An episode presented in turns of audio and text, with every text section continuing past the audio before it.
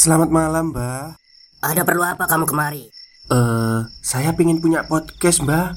Biar pacar saya makin cinta sama saya. Loh, loh, loh. Mau bikin podcast kok tanya dukun? Sekarang kamu download aplikasi Anchor.fm. Di situ kamu bisa buat podcast gratis dan podcast kamu bisa didistribusikan ke platform mana pun. Dan di aplikasi atau website Anchor.fm juga terdapat fitur-fitur yang memudahkan kamu untuk membuat podcast. Oh, gitu ya, Mbak. Kalau gitu, saya boleh minta password wifi-nya, Mbak. Buat apa? Buat download Anchor.fm, Mbak.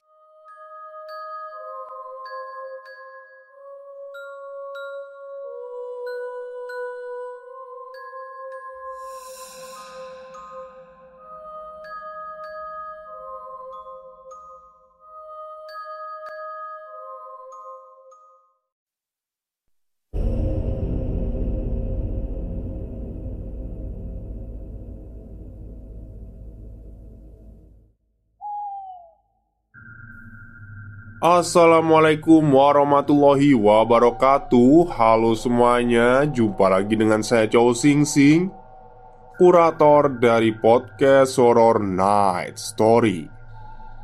Halo apa kabar semuanya? Semoga kalian semua sehat-sehat ya. Dan seperti biasanya pada siang hari ini Saya kembali dan akan menghadirkan sebuah kisah mistis untuk kalian semua Kisah mistis kali ini saya dapatkan dari tweet twitternya Mbak Cinta Kirana Yang menceritakan tentang sekelompok tentara Yang menghilang di hutan Pada saat pelatihan. Oke, seperti apa kisahnya? Mari kita simak. Ngampi Jaga tutur yang disesatkan belum tentu dapat kembali. Cerita ini saya dapatkan dari ayah saya saat beliau melatih prajurit tentara di tahun 2018. Demi kenyamanan semua pihak, detail tempat dan tokoh saya samarkan. Dalam cerita ini, saya menambahkan beberapa improvisasi agar pembaca dapat memahami alurnya. Mohon maaf apabila terjadi kesalahan penulisan dan selamat membaca. Kejadian ini terjadi di kawasan danau di daerah Bandung. Danau ini merupakan danau buatan yang dibangun oleh kolonial Belanda sekitar awal abad 20 yang dikelilingi hutan pinus dan tumbuhan yang sangat rapat di sana-sini. Kawasan ini juga dijadikan tempat untuk melatih para prajurit tentara dan tertutup untuk umum. Ada markas pusat pelatihan tentara dan beberapa barak di dalamnya. Medan hutan yang terjal dan berbatu di kawasan danau ini memang tempat yang pas untuk melatih para prajurit sebelum ke medan tempur yang sesungguhnya. Banyak slogan yang dipasang di beberapa tempat yang bertuliskan "Bila ragu, silahkan kembali sekarang juga." Atau lebih baik bermandikan keringat di medan pelatihan daripada berlumuran darah di medan pertempuran.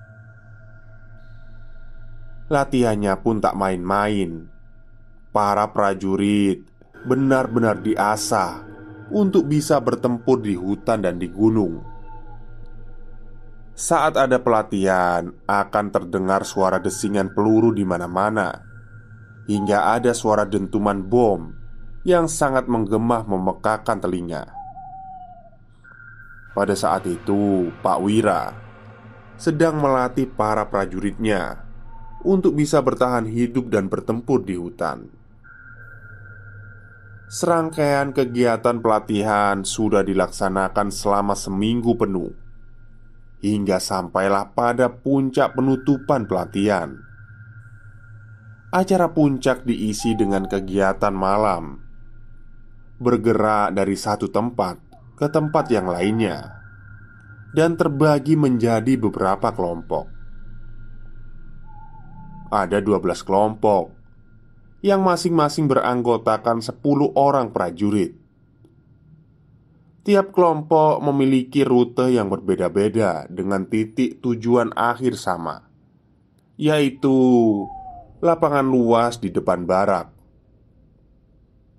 Sekitar pukul 7 malam, setiap kelompok berangkat menuju jalurnya sendiri. Butuh waktu sekitar 4 jam yang ditempuh dengan berjalan kaki untuk sampai di tujuan bukan waktu yang lama. Mengingat seminggu ini selama pelatihan, mereka selalu berpindah-pindah dari satu tempat ke tempat yang lain. Pukul 11 malam, satu persatu kelompok mulai berdatangan dari berbagai penjuru. Kelompok-kelompok itu berbaris rapi, siap menerima arahan berikutnya. Tak lama, salah satu anggota Pak Wira datang menghampiri dan melapor bahwa hanya ada 11 kelompok yang kembali. Sisa satu kelompok lagi yang belum kembali. Setelah acara penutupan selesai, Pak Wira membubarkan 11 kelompok yang ada dan memerintahkan mereka untuk beristirahat. Para prajurit pun langsung bergegas untuk beristirahat. Entah karena lelah setelah menjalani pelatihan yang berat, kesebelas kelompok ini tidak menyadari bahwa ada rekan mereka yang belum tiba. Sekitar pukul 12 malam, Pak Wira bersama rekan dan anggotanya bergerak mencari satu kelompok yang belum kembali itu. Sebenarnya, setiap kelompok dibekali satu HT sebagai alat komunikasi. Akan tetapi, saat pencarian, ketika Pak Wira mencoba menghubungi, HT kelompok itu tidak terhubung karena pencarian tidak membuahkan hasil. Pak Wira memerintahkan anggotanya untuk kembali saja dan menunggu kelompok itu datang atau melanjutkan pencarian esok paginya. Pagi pun tiba. Pukul 6 Pak Wira dan pelatih lain melakukan pengecekan. Komandan prajurit lalu melaporkan bahwa sejak semalam ada satu kelompok yang belum tergabung. Walaupun sudah mengetahui informasi ini dari anggotanya tadi malam, Pak Wira tetap menanyakan kapan kelompok yang hilang tersebut bergerak dan melalui jalur rute yang mana. Komandan prajurit pun menjelaskan dengan rinci jalur mana yang dilalui kelompok tersebut sambil menunjukkan peta. Seusai penjelasan tersebut, Pak Wira langsung pergi masuk ke dalam hutan seorang diri, mengendarai motor trail sambil membawa senjata. Tak mudah mengendarai motor trail dengan kondisi jalan yang licin sehabis hujan sepanjang subuh. Di satu tempat, Pak Wira berhenti untuk mengisi peluru pada senjata yang ia bawa. Ia pun memarkirkan motornya dan berdiri menghadap satu gunung di depannya sambil berteriak dengan lantang, "Tolong kembalikan! Kami di sini tidak ingin mengganggu." Tolong kembalikan Pak Wira tahu betul Tidak ada orang di sana Tapi Ia tetap berteriak meminta tolong Agar kelompok yang hilang dikembalikan Sekitar 15 menit kemudian Datanglah lima anggota menyusul ke tempat Pak Wira Pak Wira pun memerintahkan lima anggota ini untuk menyusuri hutan sambil berteriak dan meletupkan senjata agar kelompok yang hilang itu dapat menemukan jalan kembali dengan mendengar suara bising. Kelima anggota kelompok itu pergi sambil berteriak sekuat tenaga. Woi, woi,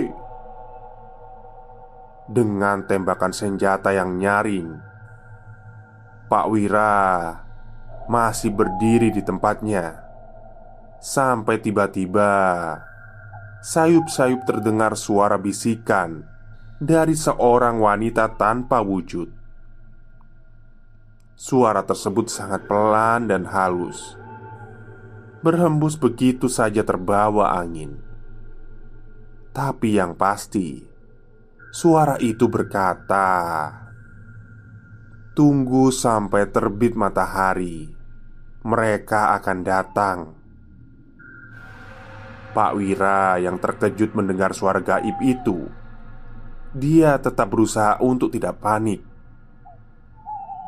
Karena sehabis hujan, awan mendung masih belum beranjak. Ditambah dengan kondisi pepohonan di hutan yang rimbun, membuat cahaya matahari tidak dapat menembus. Walaupun sudah jam 6 lewat, kawasan ini masih terlihat gelap. Pukul 6 lebih 30 menit Pak Setno rekan Pak Wira Datang menghampiri menanyakan perkembangan pencarian kelompok yang hilang itu Pak Wira pun menyampaikan pada Pak Setno Untuk menunggu sampai matahari terbit Kelompok yang hilang itu akan datang dari arah timur Dengan jarak 100 meter dari tempat mereka berdiri Stop, stop. Kita break sebentar. Jadi gimana? Kalian pengen punya podcast seperti saya? Jangan pakai dukun, pakai Anchor. Download sekarang juga. Gratis. Pak Setno yang tidak percaya dengan perkataan Pak Wira mulai tertawa kecil Terkekeh-kekeh sambil berjalan ke arah timur untuk mencari kelompok yang hilang. Tidak sampai 10 menit ia berjalan. Cahaya matahari mulai terlihat menyinari sela-sela pepohonan dan menerangi hutan. Disusul kemudian ke sepuluh anggota kelompok yang hilang Berjalan dari arah timur dan bertemu dengan Pak Setno Pak Setno terkejut mendapati ke sepuluh kelompok itu Maksudnya ke sepuluh prajurit itu. Dan terkejut pula karena sesuai persis dengan apa yang disampaikan oleh Pak Wira. Kelompok itu segera diantarkan ke barak. Sesampainya di barak Pak Wira mengecek kondisi ke sepuluh prajurit itu. Memastikan mereka baik-baik saja dan tidak terluka setelah itu Pak Wira menanyakan apakah mereka kurang lebih 20 menit yang lalu? Mendengar suara teriakan dan letupan senjata Dari anggota yang mencari mereka. Tapi mereka menjawab tidak mendengar sama sekali. Padahal saat itu Lima anggota yang ditugaskan mencari belum kembali Dan masih berteriak-teriak mencari keberadaan mereka Kemudian Pak Wira menanyakan ke mana saja mereka saat hilang Dan apa saja yang mereka lakukan. Lalu Bagaimana bisa mereka menemukan jalan kembali? Mereka mulai menceritakan. Jadi Begini Pak Pelatih. Kami bergerak menggunakan kompas Tapi Di tengah perjalanan kami selalu kembali lagi, kembali lagi ke tempat yang sama. Karena melihat situasi sudah malam dan takut terjadi apa-apa, maka kami memutuskan untuk bermalam di tempat itu. Tidak memperpanjang obrolan, Pak Wira lalu mengumpulkan seluruh timnya, termasuk lima anggota yang sedari tadi mencari. Mereka pun sama-sama memanjatkan doa kepada Yang Maha Kuasa, meminta perlindungannya. Setelah itu, mereka bersiap untuk pulang. Truk-truk tentara melesat meninggalkan barak dengan membawa seluruh pelatih dan prajurit menuju kota Bandung. tidak ada yang tersisa di tempat pelatihan kecuali Pak Wira. Pak Wira pergi menaiki motor trailnya menuju tempat di mana ia mendapatkan bisikan gaib. Dia memarkirkan motornya lalu menghadap kembali ke arah satu gunung sambil berkata, "Terima kasih sudah mengembalikan anggota saya." Ia kemudian pergi meninggalkan tempat itu, menyusul rombongan menggunakan truk. Sesampainya di markas tentara di Bandung, Pak Wira kembali mengumpulkan ke sepuluh prajurit yang sempat hilang itu. Ia kembali menanyakan apa yang terjadi saat itu. Mereka menceritakan dengan detail apa yang mereka lalui saat menempuh perjalanan. Banyak sekali kejanggalan-kejanggalan yang terjadi di awal perjalanan. Keadaan nampak biasa-biasa saja mereka mengikuti jalur sesuai dengan petunjuk arah kompas. Mereka berjalan di antara pohon-pohon tinggi dan semak-semak belukar. Saat menemui jalan buntu, mereka membuka jalan dengan menebas semak-semak dan menyingkirkannya. Satu jam setelah perjalanan, mereka melihat jalanan yang sudah dibuka terdapat bekas tebasan dan pijakan kaki. Mereka familiar dengan jalan tersebut karena ada pohon yang mereka tandai saat melewatinya. Ini adalah jalan yang sudah dilalui. Mereka keheranan, tidak mungkin kembali ke tempat semula karena mereka berjalan lurus mengikuti arah kompas. Ketua tim pun memutuskan untuk kembali saja berjalan dengan sesuai arah yang ditujukan kompas. Namun, kedua kalinya mereka sampai di tempat yang sama. Ini benar-benar aneh sekali. Mereka pun segera pergi dari tempat itu, kembali berjalan. Malam semakin larut, udara semakin dingin. Suara binatang malam yang sebelumnya terdengar riuh mulai menyepi, hening. Suasana terasa sangat mencekam dengan gelapnya hutan. Saat berjalan, mereka serasa diawasi oleh sesuatu yang tidak bisa mereka lihat.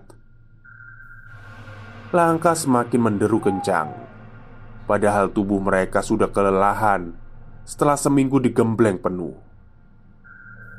Punggung mereka serasa seperti mengangkut tumpukan batu, padahal mereka masih membawa ransel yang sama. Untuk yang ketiga kalinya, mereka berhenti di tempat yang sama. Pikiran mereka mulai kacau. Ketua tim menenangkan dan memberi instruksi untuk tidak melanjutkan perjalanan dan memilih untuk bermalam di tempat itu saja. Tenda sederhana pun didirikan dan mereka beristirahat. Paginya, mereka terbangun dan melihat sinar matahari. Mereka pun bergegas pergi meninggalkan tempat itu dan mulai berjalan menyusuri jalan yang tersinari matahari. Di tengah perjalanan kembali, mereka bertemu dengan Pak Setno yang ternyata sedang mencari mereka. Atas kejadian itu, mereka mulai introspeksi diri. Mungkin mereka disesatkan karena sebelumnya mereka saling membanggakan diri tentang siapa yang paling lihai menaklukkan medan hutan rimba. Mereka tenggelam dalam kesombongan masing-masing hingga akhirnya ditegur oleh penghuni hutan itu. Selesai mendengarkan penjelasan itu, Pak Wira berkata, "Jaga tutur yang disesatkan itu belum tentu dapat kembali." Mereka pun mengakui kesalahan dan berjanji tidak mengulanginya lagi. Atas kejadian ini, tentulah kita semua dapat mengambil pelajaran bahwa kesombongan hanya akan mencelakakan diri sendiri. Ini baru teguran, bukan eksekusi. Berhati-hati dalam berucap. Semoga tingkah laku kita bisa mencerminkan insan yang baik. Sekian, tamat. Baik, itulah cerita singkat dari Mbak Cinta Kirana ya Yang dia dapatkan dari bapaknya sendiri.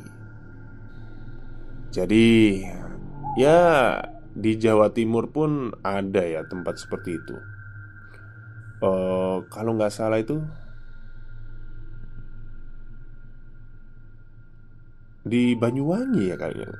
Ya di Banyuwangi itu pokoknya itu yang pernah kalau kalian pernah mendengar ada pelatihan di danaunya itu kayak tanknya itu nggak kembali gitu loh tank amfibinya itu nggak kembali.